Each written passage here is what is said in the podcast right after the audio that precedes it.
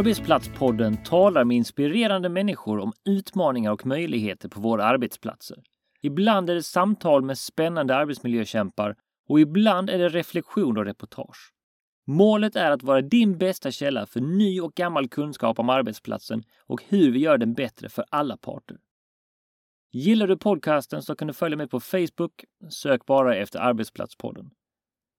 Arbetsplatspodden sponsras av Bocadero.se, en digital marknadsplats för bokning av talare.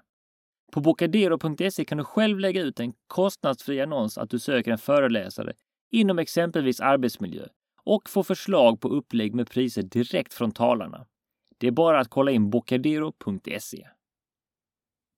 Hej alla lyssnare! Andreas Exarfras från Cultivated Workplaces här och välkommen till veckans avsnitt av Arbetsplatspodden. Ergonomi är ett fint ord. Arbetsmiljöverket säger det kanske allra bäst. Ergonomi innebär att anpassa arbetet till människan för att förebygga risker för ohälsa och olycksfall. Det handlar i hög grad om hur man planerar och organiserar arbetet. Det krävs att man ser helheten. Det är inte enkelt att se helheten för sin arbetsplats. Visst har vi alla haft arbetsplatser där man i efterhand sett uppenbara misstag gjorts och man har insett att vissa skador kunde undvikits. Är man riktigt smart så gör man ett bra arbete i förväg. Och då, då ringer man Tommy Wilén. Jag är ju naprapaten som inte gillar patienter. Eh, men som däremot är väldigt, jag brinner väldigt passionerat för folkhälsa. Eh, mm. Och jag tycker det är väldigt, jag tycker det är väldigt intressant att, att prata om folkhälsa från ett ganska så här opräktigt perspektiv. Det blir lätt att det blir väldigt så här man, man, man närmade sig från att så här, nu ska, vi, nu ska vi nå upplysning här, nu ska vi ut och börja jogga och därför ska vi komma närmare Gud. Och jag tycker att det, det, det är någonting som jag tycker kan ibland fjärma folk från att börja göra sådana saker. Så att jag, jag brinner väldigt mycket för att få igång de här som inte gör någonting. Eh, ja. Så mycket av när jag pratar och som jag jobbar så handlar det mycket om att få med det gänget. För jag, när jag började jobba som naprapat så jobbade jag med eh, rehabilitering av framförallt lager och industripersonal. Mm. Men jag märkte väldigt snabbt då att det stora problemet för de här människorna var ju inte att de inte var, att de inte var tränade, för många av dem var väldigt bra tränade för det de gjorde. Det var att jobbet krävde så himla mycket. Alltså det fanns så mycket, så att säga, systemiska problem i deras arbetsmiljö, som oftast var i form av då, dål, alltså dålig ergonomi och sådana saker. Så, och, och mitt jobb då som naprapat var ju då att liksom behandla den där trasiga ryggen. Och jag märkte, ja, att, här, jag märkte att jag kan göra, jag kan göra ett okej okay jobb här, men jag kommer inte kunna lösa det här problemet. Så det var som, därför som, som det, jag tror det är där som verkligen drog igång min, min liksom passion för, för, det, för det jag gör. Att så här, vi, vi måste försöka ändra premisserna för hur många arbetsplatser funkar och sådana här saker. Ehm. Då har vi ganska mycket en liknande uh, utgångspunkt för att jag började också liksom lite grann i folkhälsan mm. med det jag gör nu. Liksom det började i liksom, hur ska vi äta på arbetsplatsen för att ha energi hela dagen? Mm. Till att jag inkorporerade liksom min bakgrund som, arbets, uh, som skyddsombud. I Danmark och liknande liksom, och bakade in mina erfarenheter där. Liksom. Och sen så helt plötsligt så har man hittat ett sätt att kämpa för folkhälsan fast kanske inte på det klassiska sättet.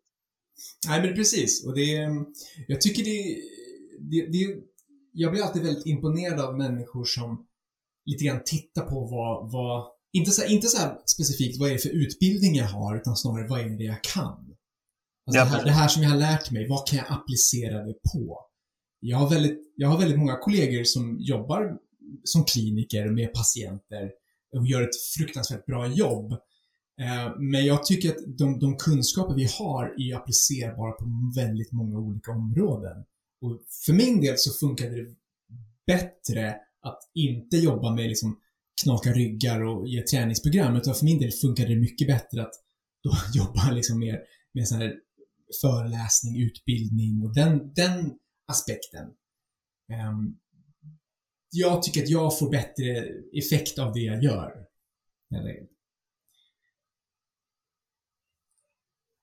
Ja, men det är också det liksom som är att man ska hitta det där som, som man känner att om man nu ska hjälpa människor och hjälpa mm. många människor så gäller det också att du verkligen hittar någonting inuti dig som ger dig energin och ger dig kunskapen. Liksom. För att det är som du säger, allting handlar ju om utbildning.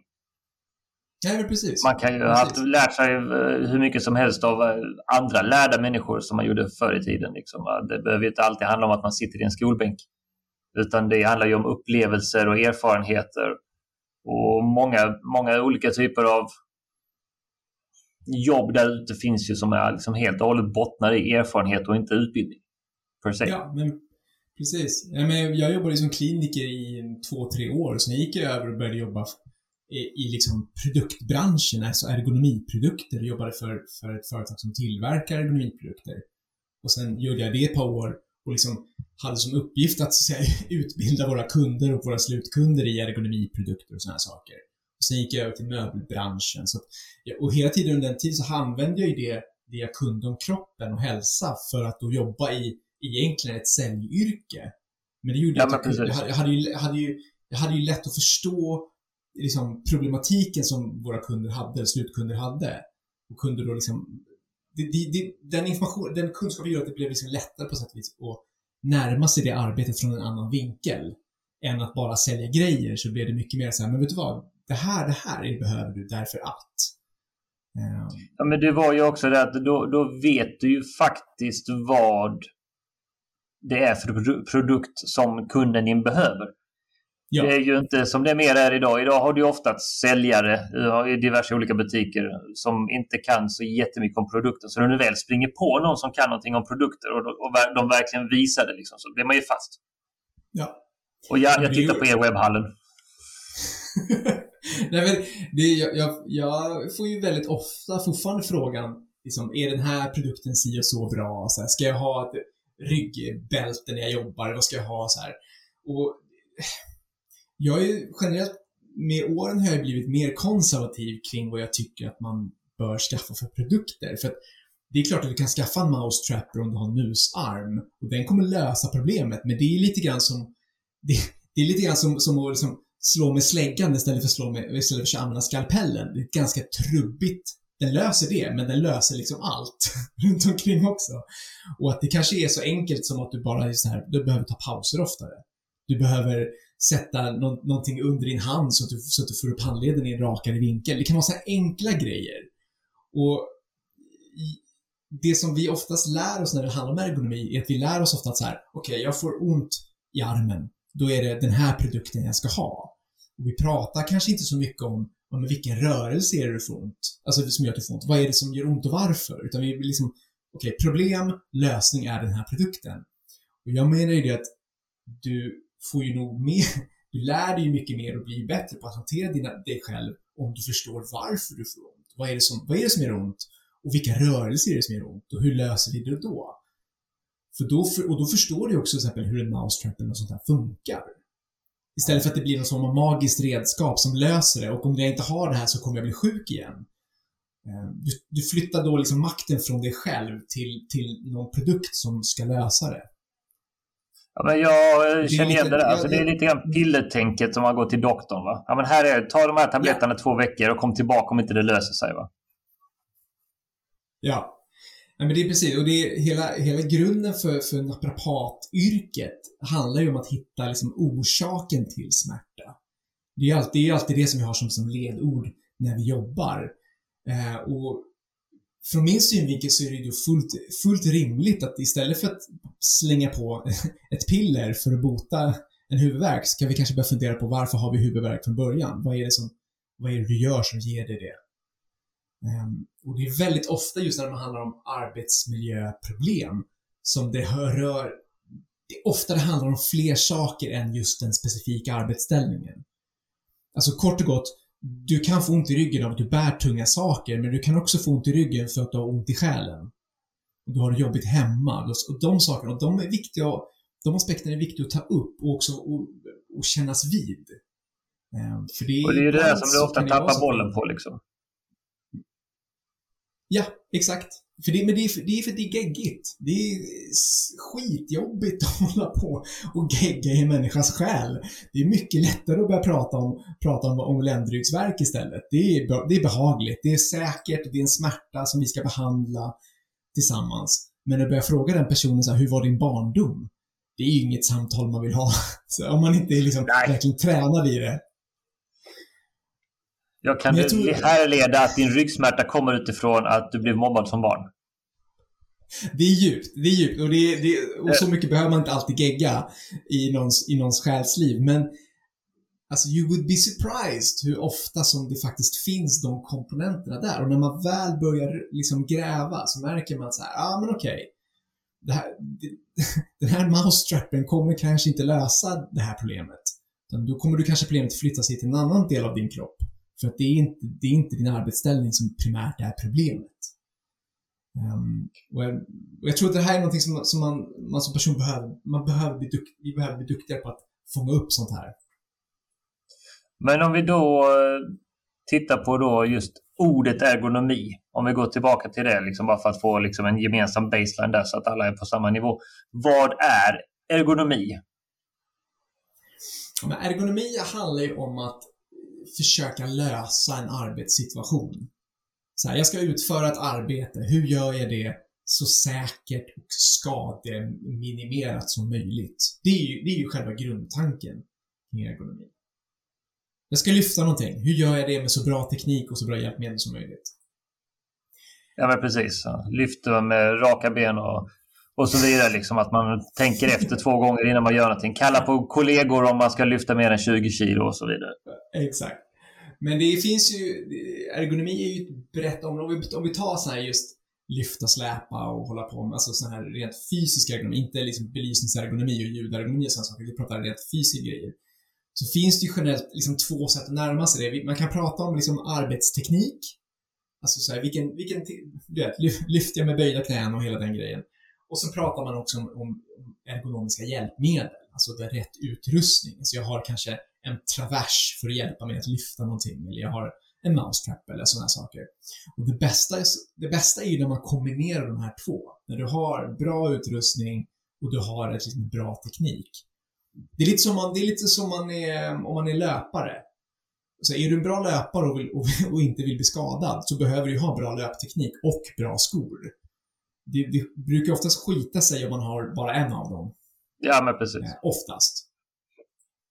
Men vilka är då de vanligaste besvären som du ser? Mm, som jag ser men jag, jag har ju ett, ett litet tvärsnitt av befolkningen som jobbar mycket med kontor. Så jag, det jag ser mycket är ju ont mellan skuldblad. Eh, många sådana här hållningsrelaterade åkommor. Eh, jag får också en del liksom, ländryggsvärk, alltså oftast ont av att sitta och sådana saker. Det är de, det är de vanligaste. Tittar man, tittar man på liksom, arbetsskador i stort så är det ju oftast dött lopp mellan alltså lumbago, vilket är fikonspråk för ont i ländryggen, och eh, det, psykisk ohälsa, oftast depressioner. Det är oftast dött lopp mellan dem vad gäller liksom vad som är eh, det vanligaste. Men just i min bransch så är, så är det liksom oftast, ja men, ont skuldblad och sådana saker. Och eh, hur märker du av det ergonomiska tänket om man tänker hos företagen? Finns det ett tänk på ergonomin eller är det någonting som man lite grann glansar över och gör något pliktskyldigt någon gång om året? Ja, men jag tycker faktiskt att det är väldigt bra. Jag blir, jag blir väldigt glad när jag har mina när jag har mina uppstartsmöten nu, för jag, jag, när jag föreläser så börjar jag alltid med ett uppstartsmöte där, vi liksom, där min uppdragsgivare får berätta om så här, okay, hur jobbar ni nu? Hur funkar det? Och vad har ni, vad har ni för tankar kring ergonomi och hälsa? Och hur kommuniceras det i bolaget? Så här, jag, jag tar pulsen på bolaget. Och jag blir oftast väldigt imponerad. Det är många företag som, som alltså, en del går verkligen above and beyond vad, vad, vad man gör. Alltså, de, man märker att den här om omtanken om sina anställda är någonting som är väldigt vanligt. Det är snarare ovanligt idag att jag ser organisationer som verkligen gör det minsta möjliga, utan många är väldigt måna om att liksom attrahera och behålla arbetskraft. Man förstår att liksom bra ett bra tänk kring ergonomi och hälsa är idag en, liksom en konkurrensfördel för ett bolag. Att kunna, liksom, kunna visa på att men vi, vi tänker till kring det här. Jag tänker det, har du märkt av att arbetsgivarna har hunnit med när det gäller skiftet från kontor till jobba hemifrån? Att det finns bra stöd från arbetsgivarna där? För där kan jag se lite olika. Det finns de som slänger pengar mm. på det och säger köp allt du behöver, skrivbord, whatever. Liksom. De, alltså, det är oftast de större naturligtvis. Vi snackar liksom Zoom, vi snackar Google, Dell och så vidare. Liksom. Mm. Och kanske lite mer utmanande för mindre. Liksom, va? Men jag tänker, har du märkt av liksom, att man i alla fall försöker hänga med i skiftet? Ja, men det har jag. Det är, många organisationer har ju problemet att de vet inte hur länge det här ska hålla på. Um, jag tyckte mig märka att, att slutet på, alltså no, säg kring november förra året och så fortskridande nu, så blev det ju väldigt mycket en, en scramble till att säga okej, okay, vi kommer inte kunna gå tillbaka till kontoren snart. Eh, jag tror många företag tänkte att, men det, det du vet, början på 2021. Efter sommaren är vi tillbaka. Ja, efter sommaren och sen, är vi tillbaka. Och sen var det början på 2021, då är vi tillbaka. Så nu märker många bolag att nej, det är nog inte förrän i höst i år. Alltså, som vi kommer gå tillbaks. Så man märker att nu, nu är det många fler som börjat så här, okej, okay, nu måste vi, vi måste verkligen investera i det här nu. Så jag tror många försökte väl lite så här, lite grann hålla det lite flytande. I att säga, okej, okay, man får ta hem lite grejer och lite så, men sen nu, senaste månaderna, så bara, nej, vi, vi måste, vi måste göra en, en ordentlig plan för det här. Um, men som sagt, det varierar väldigt mycket och jag jobbar, många, de flesta av mina uppdragsgivare är liksom stora bolag och landsting och regioner och sånt, så att jag, jag, min, jag förstår ju att min bild av det här är ju lite snedvriden. Jag ser ju stora organisationer ofta som har mycket pengar jag ser vad de gör. Eh, jag vet inte så mycket vad, är det, är det tiomannabolag? Jag vet inte exakt hur den, hur den situationen ser ut. Nej, men precis. Men det är ju en egen Jag kan tänka att det är en stor variation. Ja. ja. Ja. Alltså, diskussionen är ju fortfarande ganska mycket liksom, kommer vi att gå tillbaka till kontor alls kontra blir det en hybrid och så vidare. Va? Så att den diskussionen kommer nog mm. pågå ett par år efter pandemin också. Liksom, va? Så att, eh, det är ju det, va? man har ju en Dels har man ett ansvar som arbetsgivare liksom att eh, säkra arbetsmiljön. Samtidigt så vet vi liksom inte vilken arbetsmiljö vi har i egentlig meningen om, om två, tre, fyra månader heller. Liksom. Och Det där är intressant för att den här, det här arbetsgivaransvaret, alltså vad, vad, du som arbetsgivare har för skyldighet att göra för dina anställda när de jobbar hemifrån. Alltså vad, vad är det de behöver ha hemma för att kunna jobba? I min mening så är den, den eh, det är ganska trubbigt. Alltså det bygger väldigt mycket på att så här, du måste ha stolbord och du ska liksom, sitta rak i ryggen i en stol. Det, det, bygg, det är så våra arbetsmiljöföreskrifter kring terminalarbete ser ut. Och, så det är rimligt att man har det att gå efter, men jag hävdar ju bestämt att när man fokuserar väldigt mycket på just det här, sitt rak i ryggen i en stol, då missar man ju det att det, det, är inte, det är inte det enda sättet att jobba bra. Och jag skulle säga att Sitter du, sitter du rak i ryggen i en stol, då kommer du få ont i ryggen ändå. För oh, yes. du sitter still. Så du behöver ju variationer. Det är någonting som jag skulle önska att vi blev bättre på att prata om. För det blir, jag märker också just från, från min uppdragsgivare att det, från deras anställda så är det mycket så här, vi vill ha hem bord och stolar, vi ska hem det och det och det och det. Och det. det ska, grund och botten ska det vara som mitt kontor fast hemma. Ja, precis. Och, det är kanske inte alltid det mest optimala. Nej, alltså, det, det, det, dels kanske inte det finns de ekonomiska musklerna att genomföra det. Sen kan det också vara så att det inte finns inte plats hos de anställda att ha det så. Och jag hävdar också bestämt att det kanske inte heller är nödvändigt att göra så. Om du börjar väva in mycket mer variation, rörelse, så kommer, det, så kommer fokuset på att du har en fantastisk stol, det behöver inte vara lika starkt det fokuset om du inte sitter hela dagen, om du faktiskt gör andra saker också. Eh, och jag, jag, hoppas på att det där är en diskussion som kommer fram eh, vad det lider. För vi tenderar oftast att lägga väldigt mycket arbetsmiljöansvar på liksom enskilda individen. Att så här, se till nu att så här, ja men nu sitter du i din stol, kom ihåg nu att ta pauser och kom ihåg att göra si och så. Men ja, det där är svårt att genomföra om det inte finns en, en företagskultur som också promotar det. Alltså du måste ha chefer som säger, hörni, nu kör vi walk and talk-möten. Stäng av, liksom, stäng av eh, Teams på datorn, ta Teams i telefonen och så går vi ut och tar en promenad. Det, där, det är något som oftast krävs att det kommer liksom från, från ledningsnivå för att, det ska liksom, för att den formen av kulturförändring ska ske. Det är svårt att få en gräsrotsrörelse liksom, på det. Eh, och jag hoppas att det här är något som kommer att växa fram nu när vi börjar kanske närma oss någon form av hybridkontor framöver. Jag, eh, när jag var på IOGT-NTO som extern, eller ansvarig för extern och intern finansiering så hade vi ett program som jag tror i princip alla hade installerat på sin dator. Där det poppade upp liksom efter 50 minuter någonting att nu tar du paus och så gör du de här övningarna. Och så var det liksom mm. övningar under liksom, kanske två, tre minuter. Liksom. Mm. Och så passar man samtidigt på att gå på toaletten eller gå och ta en kopp kaffe. Liksom. Så det, det, var en av de arbetsplatser där jag varit där man verkligen märkte liksom att folk tog det till sig att inte bara bli stillasittande liksom hela tiden framför datorn. Liksom. Samtidigt som man naturligtvis har varit på andra ställen där folk inte rör sig på tre timmar utan sitter i samma hopsjunkna position, handen på musen och liksom mm. då framförallt callcenter-branschen som jag också varit i. Liksom. Ja, men de, de grejerna är jätteviktiga, framförallt när du har, när du har en, en eh, alltså folk som jobbar mycket med, med arbete där man tenderar att försvinna in. Du vet när man, man, sitter, och, man sitter och kodar. Man verkligen ja, liksom, man, man, det, du, du bara, allting bara försvinner bakom runt omkring dig så är du helt inne i det du gör. Att då ha ett program som poppar upp och säger till dig att sträcka på dig, det är skitirriterande, ja. men det är jättevärdefullt. Oh, yes. uh, så det är jag tycker sånt är superbra. Um, men jag, jag, vill ju, jag vill ju ha ännu mer att man börjar liksom ifrågasätta möteskulturer och sådana saker. När vi har möten, liksom, kan vi, hur kan vi bryta upp det här traditionella sitta runt ett bordmöte? Kan vi, alltså sådana där saker, det är just som jag är mycket intresserad av. För att se liksom hur, hur vi förändrar kulturen kring det.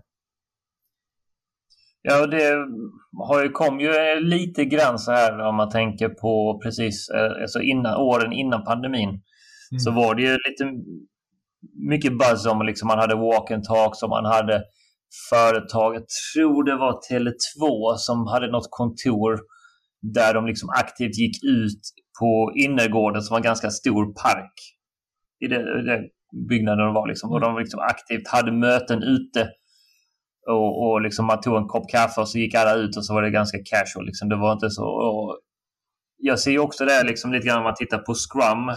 Eh, för de som har koll på den biten. Liksom. Just det här att man har liksom, hade korta intensiva möten och sen var man klar. Liksom. Att det är liksom de här två vägarna folk går lite grann nu. Va? Antingen har man korta möten och sen så går folk och gör sin business eller så har man de långa mötena har man under mer av, avslappnade former till exempel. Mm. Jag tycker det är intressant för det var ju, eh, jag jobbade mycket med, med att föreläsa om aktivitetsbaserat arbete. Eh, och dess, och liksom dess, sån här, de ergonomiska implikationerna kring det. Um, och jag tyckte det var intressant för att eh, hela premissen för ett aktivitetsbaserat arbete, det är ju, som jag ser det så inför du liksom arbetsrotation för kontorsfolk. Alltså jobbar du i industri, då har du ju oftast en ganska bred flora av arbetsuppgifter. Du, du lyfter lite lådor och så kör du lite truck och så sitter du vid datorn. Så. Jobbar du på kontor så har du liksom en grej du gör, det är att sitta ner antingen med en dator eller i ett möte generellt så. Jag tyckte aktivitetsbaserat var intressant för det helt plötsligt introducerade det fler möbler, fler möjligheter att göra sitt jobb på kontoret så du kunde utsätta din kropp för nya och intressanta arbetspositioner. Eh, och den aspekten är ju någonting som, det, just hemmakontoret tangerar ju det mycket på, på ett sätt att det, det du har ju oftast den här liksom ganska breda floran av grejer hemma. Så jag, jag ser att det finns liksom bra synergieffekter och jag ser också de bolag som jag jobbar med som har aktivitetsbaserade kontor har oftast gjort en, tycker jag, en lättare konvertering i hemkontoret. För där har man redan den här kulturen att arbete är något man gör och inte en specifik plats man är på och så. Och ja, men precis. Som, ja, och en aspekt som jag tyckte var så intressant med just det aktivitetsbaserade var att så här, ja men det är klart du kan köpa liksom flashiga möbler så att det liksom känns aktivitetsbaserat. Men många av de här grejerna som man gör i en aktivitetsbaserad miljö kräver liksom inga, inga möbler. Alltså för att ska ha walk and talk-möten, det krävs inga specialbord eller någonting. Det krävs bara att vi ändrar företagskulturen. Och det var oftast det som var den stora pucken för många bolag, att ta sig över. Så här, hur, hur förändrar vi hur vi ser på arbete? Så ur den Vi kommer tillbaka till det du sa där innan, liksom, om att man går från produkttänket till någonting större och mjukare. Liksom. Ja, precis. Uh, och det där, och det är, så, det är intressant när du säger att, när du kallar det för någonting mjukare, för jag körde, eh, jag stod och snackade med en HR-chef för några veckor sedan och så pratade vi om det här, just det här, eh, liksom produkt, produktergonomin och den här lite mer beteendeergonomin och att det här med stå och rör på det och sådär. Och hon, hon sa, hon bara, det är så roligt att du säger det, för att när jag fick lära mig om ergonomi, då fick jag lära mig att liksom riktig ergonomi, det var liksom sitta rak i ryggen i en stol. Och så fanns det vad vi kallade för alternativ ergonomi.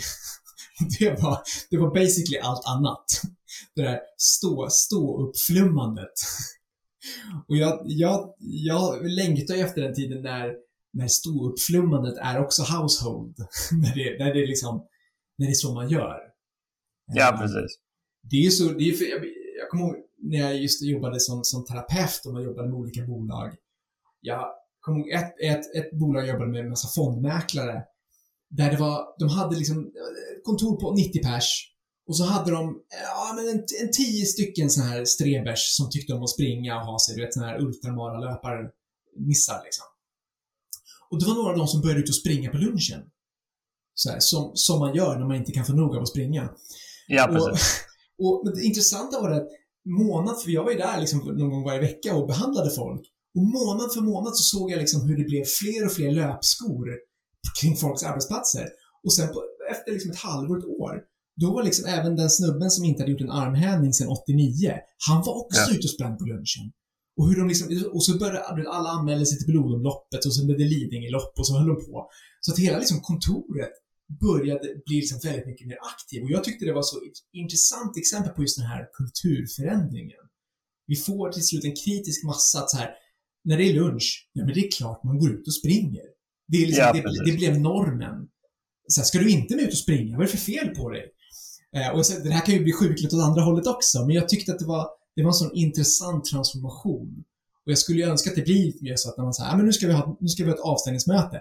Det är klart vi går ut och går allihopa. Det är typ ingenting, det är inget vi ens behöver prata om liksom. Det, det är så man Just gör. det positiva grupptrycket, liksom, att man genomför en förändring för att man sakta men säkert ser fördelarna med det och sen så tar man sig framåt därifrån. Ja. Och sen, det, det, nu, nu låter det som att jag så förespråkar någon form av hälsofascism. Det, det gör jag inte. Man, man får ju ta det där med moderation. Jag är lika förtjust i företag som har liksom fikaklubb. Där de går iväg och fikar tillsammans. Jag tycker det är lika bra. Eh, men att man liksom gör någonting. Eh, och att det är någonting, som, precis. det är någonting som uppmuntras från, från företagets sida. Det är det jag tycker är så härligt. Och det är ofta där många grejer faller. Att man kanske har liksom en idé som företag och man lägger ut idén att det här ska vi göra. Men sen så följer man inte upp genom att faktiskt ta bollen och, och driva den. Liksom, va? Utan Nej. att man lämnar det liksom på, man, man ger, vi ger medarbetarna en förbaskat massa tips. Och så löser det sig. Va? Och så kommer man tillbaka efter ett par månader och bara jaha, här har ingenting hänt. Det var lite dåligt av dem. Och så missar man helt liksom att man kanske skulle vara, alltså vdn kanske skulle vara den som snurrar på sig skorna först. Ja, nej men det är precis. Det är liksom, man köper löpskor till alla och säger man ut och springer då. Ja. så, så Eller man ger alla sådana här jag vet inte, stegmätare. Ja, och så det. tävlar man i grupper om hur, vilken grupp kan gå flest steg. Och så har du någon så hamnar man i någon grupp där du har en sån här liksom, ja men jag springer 10 mil på lunchen bara okej, okay, ja, den här tävlingen är över för länge sedan liksom. Ja. Ove löser det här åt oss nu. Ja, ja. han, han går för oss allihopa. Nej, jag vet. Ja, men precis. Det, det är... Det, och jag, men ändå så tycker jag det, det är kul. Jag ser ju lite så här en del av de som företagshälsor, några av de här mindre som, som jag ibland får fördelen av, liksom, glädjen av att jobba med, som gör mer så här riktade hälsoinsatser. Att så här, okej okay, hörni, nu ska vi istället för att säga vi erbjuder företagshälsovård och så får man liksom, ja, som det traditionellt görs, utan man säger, vet du vad, nu ska vi gå in och så gör vi en, en, en riktad intervention där vi liksom mäter baslinje, vi, vi gör den här grejen, vi kör föreläsningar, vi instruerar kring det, vi mäter uppföljning och så ser vi, hur... alltså, sånt där älskar jag. När man, för det, det är sånt som ger den här varaktiga effekten. Det är, ju, det är ju den vanliga frustrationen för oss naprapater. Det är ju det att man får in en patient som har ont någonstans, spelar egentligen ingen större roll. Eh, och, så, och, så, ganska snabbt kan man isolera det faktum att okej, okay, men du har ju ont i ryggen. lite grann för att du har suttit snett, eller lyft snett, eller gjort någonting konstigt. Men lite grann är det också för att du inte är särskilt väl liksom, tränad. Din kropp är liksom inte, den är inte Nej, igång. Den kan då, inte hålla uppe dig riktigt. Nej, och då är, blir fokus blir ju egentligen då att, så här, att försöka få den här personen att göra den här livsstilsförändringen. Och det är det som är den svåra biten. Men det är också den roliga. Ja, det kan det ju vara. Det är, det är också en frustrerande bit. Det jag förstår ju många av mina kollegor som gillar att jobba med idrottare, för det är en härlig patientkategori. Det är, folk, det är folk, som, som har sin kropp som arbetsredskap. De är ju väldigt måna om att göra sina hemövningar. Men liksom, jag kommer ihåg, jag hade ju patienter som kunde komma in och bara så här, Egentligen, det enda de ville var att jag skulle hjälpa dem att göra den där hemövningen jag hade gett dem. Så här, kan du hjälpa mig att göra den här stretchen? Jag bara, men varför ska du betala mig 600 spänn för att stretcha åt dig? Det är ju, det, du vet ju hur man gör. Men det var så ah, det är jobbigt att komma igång och sådär. Det, det...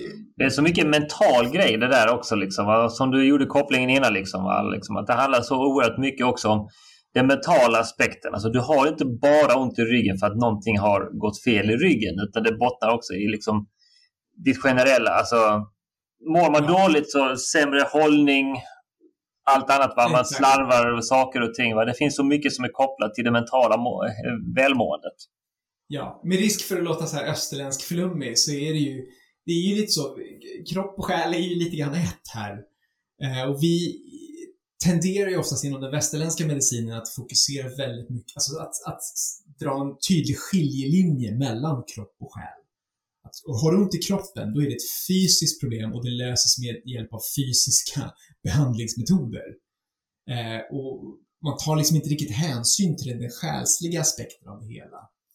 Eh, och jag tror att ska man få ett varaktigt resultat på många patienter och på många av de åkommor de presenterar, så måste man ta hänsyn till den själsliga aspekten. Eh, och då är väl så här, på, på ett företag så, den själsliga aspekten är ju företagskulturen helt enkelt. Ja, men precis. Och där har man ju lite grann, tycker jag, ett systemfel eh, på många ställen. Liksom, att man liksom, vi, får, vi har läkare som inte får lära sig vikten av att äta rätt utifrån massa olika perspektiv till exempel. Eh, litet sidospår. Jag eh, har ju tagit mig igenom panikångest eh, som jag fick när jag var runt 25-26. Liksom, där, som eh, hämmade mig ganska mycket. Men det var ju aldrig någon som kom på tanken att titta på kosten till exempel. Och i mitt fall så blev det ju att jag blev deprimerad, jag åt mycket godis, vilket är mycket socker, vilket gjorde att det blev värre. Och, och det var ju aldrig någon som lyfte den aspekten. Och jag har ju också, vad heter det, i och med att jag varit med IGT-NTO och annat, vänner som har haft problem med både kost och, och dryck, om man säger så. Va? Och det har aldrig riktigt varit en, ett perspektiv där man har tittat på det underliggande som vi varit inne på flera gånger. Utan man tittar på liksom att okej, okay, men din kropp behöver det här. Ergo får du det här emot det där. Yeah. Men så löser man liksom inte problemet. Va? Du plåstrar om liksom och så lycka till. Ja, nej men det, det, så kan det tyvärr ibland vara. Uh, och det är som sagt, jag märker i, i den branschen jag verkar så är det Oftast när jag, när jag besöker en arbetsplats, nu ska, jag, nu ska jag tillägga att det var ett år sedan jag fick träffa en arbetsplats på, på plats. Men när jag, när jag gör sådana saker så märker jag oftast att, alltså, oftast träffar jag, träffar jag en, en liksom, ett, ett, ett företag där det är fem, säg 50 anställda som jag ska jobba med och titta på. Ofta, det är ju oftast ett par problem som allihopa har. Det är för att de har ju samma arbetsmiljö och de gör samma ja, liknande arbetsuppgifter. Men det är klart de får på samma ställen. Och det är då det, är då det blir så intressant då om man ska, man ska då lägga ansvaret på dem. Att det är för att du måste träna upp dig bättre. Fast vi har ju 50 pers här med olika grad av, av, av eh, välträning och ålder och kön. Allihopa har samma problem. Då kan det inte handla om ålder, kön eller, eller hur tränar man är. Det måste ju vara någonting i arbetsplatsen. Alltså ett, ett systemiskt fel hur arbetsplatsen är utformad. Så det, det, det, det är därför jag tycker det är så viktigt att man liksom lyfter blicken lite och tittar så här, men hur funkar den här arbetsplatsen? Hur, hur är den anordnad? Vad är, vad är okej att göra här? Vad är inte okej att göra här? Hur funkar den? Men det är, så här, det är geggigt och det är, det är svårt, men det är ack så viktigt. Det verkar ju också inte, alltså det är inte heller alla arbetsplatser som har ett kontinuerligt förbättringstänk. Och då menar jag kontinuerligt som att man tittar på det kanske någon gång i veckan eller någon gång i månaden. Utan många gånger så är det liksom en diskussion som kommer en gång om året. Att okej, okay, nu, har vi, har, vi, nu har, vi, har vi mer pengar igen. Så januari, februari. Liksom. Vilka investeringar behöver vi göra? Och istället för att man liksom följer upp till exempel genom enkäter och mm, liksom vissa one-to-one-möten. Liksom, att varje månad, hur mår du? Och man sätter inte riktigt... Det finns ju också, om man tänker på... Det är ju sällan företag med, ja, om man tänker 60 anställda och neråt. Det är sällan de har liksom en renodlad HR-individ heller. Utan det är oftast liksom ett alltså, tvådelat arbete, vilket också naturligtvis tar ju tid ifrån resurser. Att liksom, man kan inte sitta och prata med 50 pers en halvtimme varje månad för att den resursen finns inte. Nej, men det är sant. Eh, det, ja, det finns faktiskt lite sådana initiativ nu har jag sett. Eh, det finns något litet bolag som heter Prewo som jobbar med just att så här, hur gör vi med en organisation på 10 pers? Hur, hur ser vi till att de når sina arbetsmiljö, liksom, krav? Eh, eller miljökrav, att de hjälper, alltså det, du kan via den tjänsten då hjälpa rätt så att säga säga, få stöd att automatisera de här sakerna. Sånt som du annars hade liksom en person på jobbet som har det som arbetsuppgift. Uh, och jag, sånt där tycker jag är också intressant, för att det är, så här, det, är, det är en fråga som är lättare att lösa när vi, när vi är många. Vi har resurser till det. Men just när det är små bolag så får man lite, man lämnas lite grann till sig själv. Uh, så det är en intressant aspekt det där. Och det, det tänker jag då liksom, om man då tittar lite grann på vad kan man som mer... Alltså för att naturligtvis har ju, som vi nämnt flera gånger, företagen har ju sitt ansvar för sina anställda. Men om man då tänker på individen. Jag vill ta mer eget ansvar mm. för, för hur jag presterar på arbetsplatsen, hur jag mår efter en arbetsdag. Eh, för det är ju verkligen som så att de, de här åtta timmarna som är ändå någon typ av standard fortfarande. Mm. De har ju en påverkan naturligtvis på de resterande 16 timmarna i allt ifrån sömn, relationer till stress och allmän ork. Liksom. Och vad har du för tips och idéer där till liksom en medarbetare som skulle lyssna och liksom känna att ja, men jag vill ta lite mer eget ansvar. Jag känner inte att mitt företag just nu de kämpar med att få fotfäste i den nya arbetsplatsproblemen som innebär liksom, men jag vill ta mitt egna ansvar nu. Vad kan man då göra? Jag skulle säga att den den enskilt viktigaste arbetsmiljöinsatsen man kan göra idag, det är att öka sin aktivitetsnivå. Alltså att man rör på sig mer. Ehm, det behöver inte vara jätteradikalt, man, man behöver röra på sig, minska mängden långvarigt stillasittande. För det är lite så här, om vi, om vi tittar på om, vi ska, om, vi skulle, om vi skulle blanda den, den perfekta cocktailen för, för liksom en, en, depression. Om vi, ska, om vi ska göra en människa riktigt deprimerad, då behöver vi ett par grejer. Um, jag ber om ursäkt för den smaklösa analogin här. men, men, men dock väldigt relevant. Ja, men du behöver, du, för att göra en människa riktigt deppig, så behöver du ha, du behöver, du behöver isolera den personen socialt. Du behöver dra ner deras vardagsmotion till ett minimum, alltså minska deras aktivitetsnivå så, väldigt, så de rör sig inte särskilt mycket. Eh, du behöver lägga på stress på den här personen och sen behöver du liksom sprinkla lite dåligt väder på det, mörker och dåligt väder, så har du liksom det perfekta receptet på, på en depression. Och saken är, av de här fyra aspekterna så finns det egentligen bara en av de här som vi verkligen kan styra över. Alltså det, det faktum att vi, många av oss, är isolerade nu under, under en pandemi. Det går, det går inte att göra någonting åt det. Det är som det är. Det är skitaskigt och jättejobbigt, men det är som det är. Att vi, att vi har mycket som stress som läggs på oss. Det enda vi kan egentligen göra med det, det är att vi kan så att säga, modifiera hur vi hanterar den stressen, men mängden stress kan vi liksom inte göra så mycket åt. Samma sak med vädret. Det går inte att göra så mycket heller. Vi kan inte heller fly till något annat land för att få bättre väder. Den enda aspekten vi kan styra över, det är vår träning, alltså hur mycket vi rör på oss. Och det som är intressant med just rörelse och motion, det är det att får du, upp, får du upp din aktivitetsnivå en bit så ger det dig en buffert som gör att du lättare hanterar isolering, du lättare hanterar stress och du lättare hanterar det deppiga och tråkiga vädret. Så det är liksom en av de här få sakerna som vi verkligen kan styra över och som också ger så mycket effekter. Både liksom rent fysiskt men också mentalt. Eh, så skulle jag säga... Det handlar ju om... Ja, du först. Ja, förlåt. Men ska jag säga en grej så är det så här, ja men öka aktivitetsnivån. Det är liksom det absolut viktigaste. Och det är oftast det när folk kommer till mig och frågar så här, men hej, jag har musarm. Vad ska jag göra? min första fråga brukar alltid vara så här, hur mycket rör du på dig? Alltså generellt.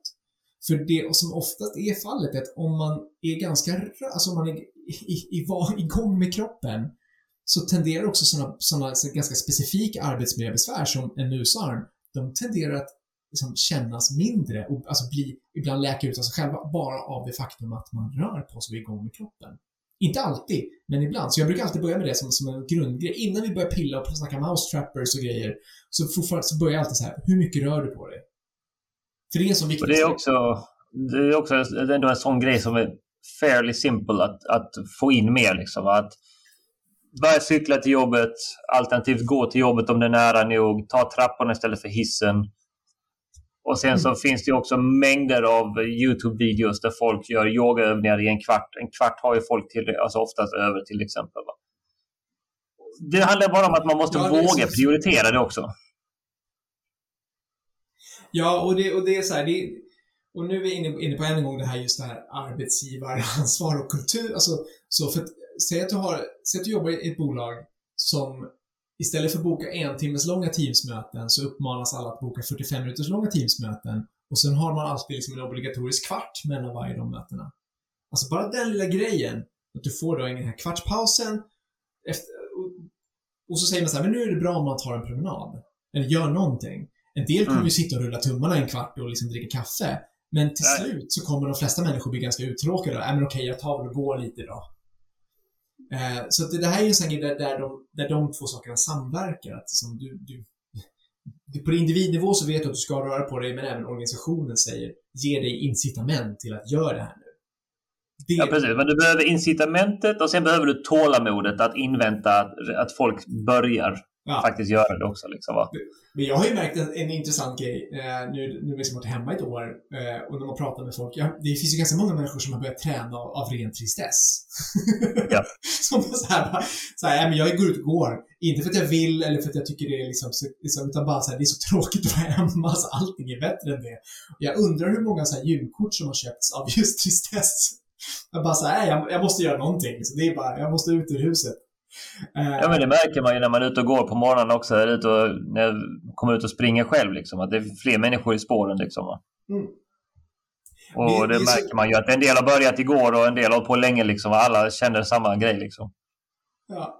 Alltså ska man se det så, så det ska bli jätteintressant att se effekterna av den här pandemin alltså om tio år. För jag tror att det här, det här vi har hållit på så länge nu så det, vi har hunnit skapa så mycket rutiner och beteenden och en del av dem är, är inte bra, men en del av dem är ju faktiskt väldigt bra. Som just så här, man, man börjar röra på sig bara för att man måste göra någonting. Och jag hoppas att den, den liksom hälsokulturen, att den faktiskt håller i sig. Att det här är någonting som vi, vi, vi börjar liksom, äh, vi, jag måste ut.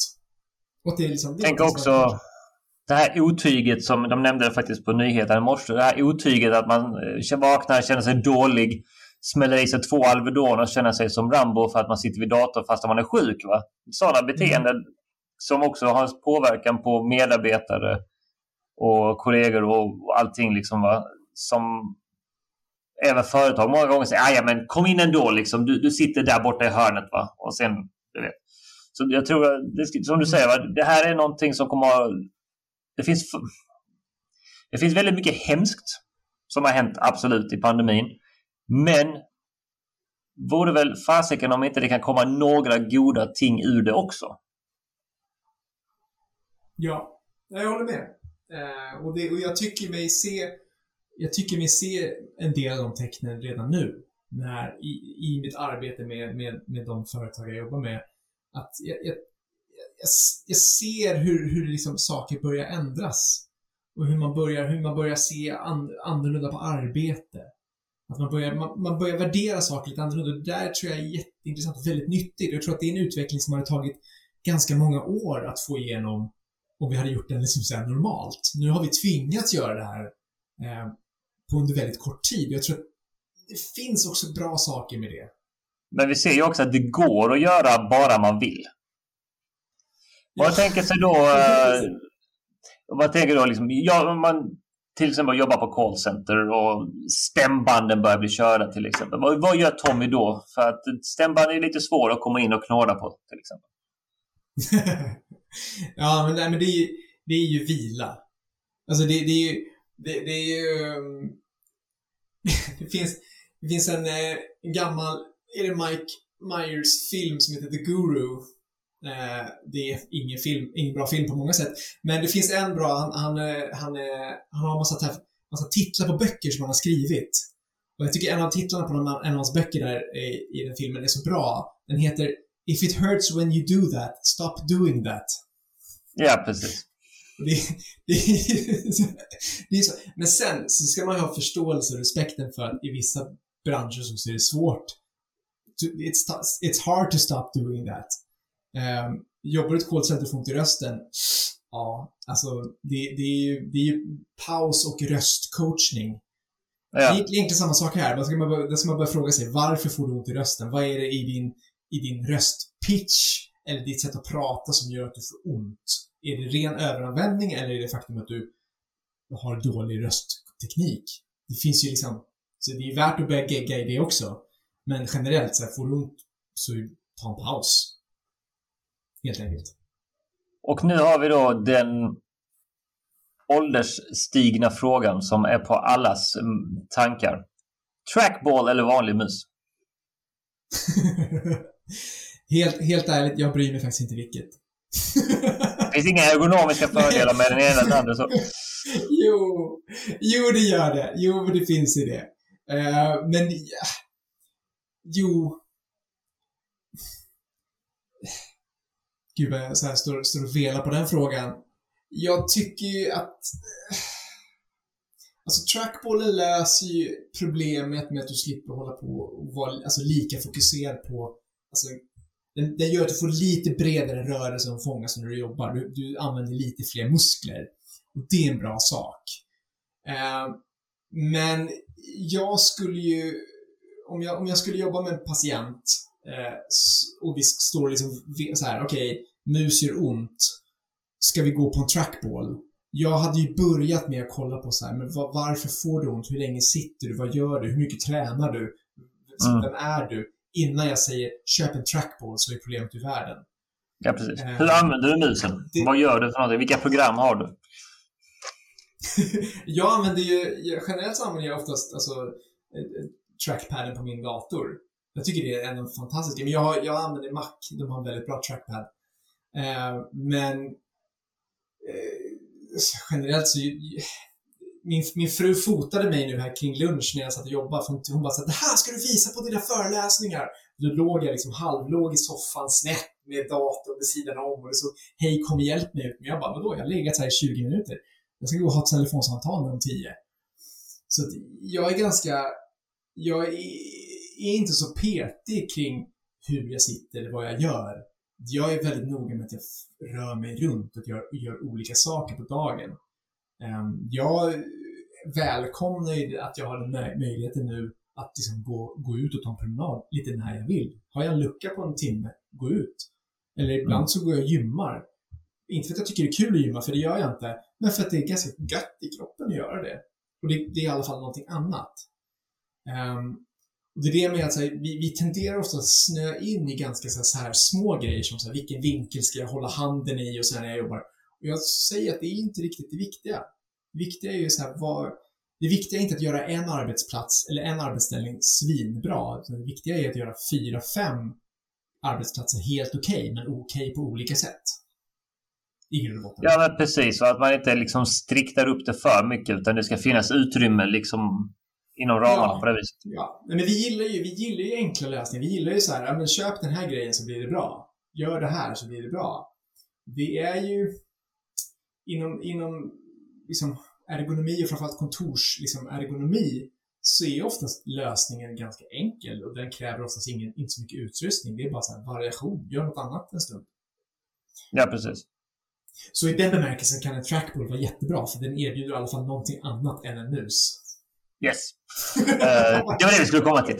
Ehm, Tommy, som en så här liten avslutning. Dina bästa ergonomiska tips som folk kan börja använda om två minuter när de är klara med det här avsnittet. Mm. Um, kolla, kolla höjden på ditt skrivbord. Du vill ha gärna skrivbordet, optimalt så vill du ha skrivbordet i ungefär armbågshöjd. Det är helt okej okay om det är lite hög, alltså om det är lite högre, men om det är lite lågt, det som händer då är att man tenderar att krympa ihop. Man, man liksom går in i grottan. Och det vill man inte, men man vill vara ute i solen. Så att, eh, bara som en sån här grundgrej liksom. Kolla, kolla höjden på skrivbordet. Så märker du att, nej men fasen, jag, ham jag hamnar in i grottan. Det kommer på sikt göra att du, du kommer få mer spänningar i axlar, nacke, arm. Många av de här liksom skadorna vi har pratat om kommer av att man liksom just man kryper ihop med kroppen. Så se till att liksom få upp dina arbetsytor en aning. Och går inte det så se till att ta paus ofta, men var medveten om att kryper du ihop så blir det jobbigt för kroppen.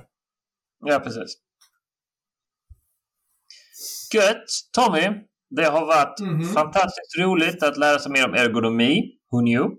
Och eh, jättetacksam för alla tips och idéer du har gett ut här. Och det är också kul, tycker jag personligen, med det jag jobbar med, med arbetsmiljö, att företagen faktiskt har insett allvaret och vikten av de ergonomiska utmaningarna och att de tar tag i det. Tack så hemskt mycket för att jag fick eh, vara med. Jag hoppas du tyckte det var givande med detta avsnitt av Arbetsplatspodden och att det gett dig verktyg och tankar för just din arbetsplats. Dela gärna avsnittet eller kommentera. Glöm inte, kolla in bocadero.se för fantastiska föreläsare och jag hoppas att ni får en fortsatt fantastisk dag.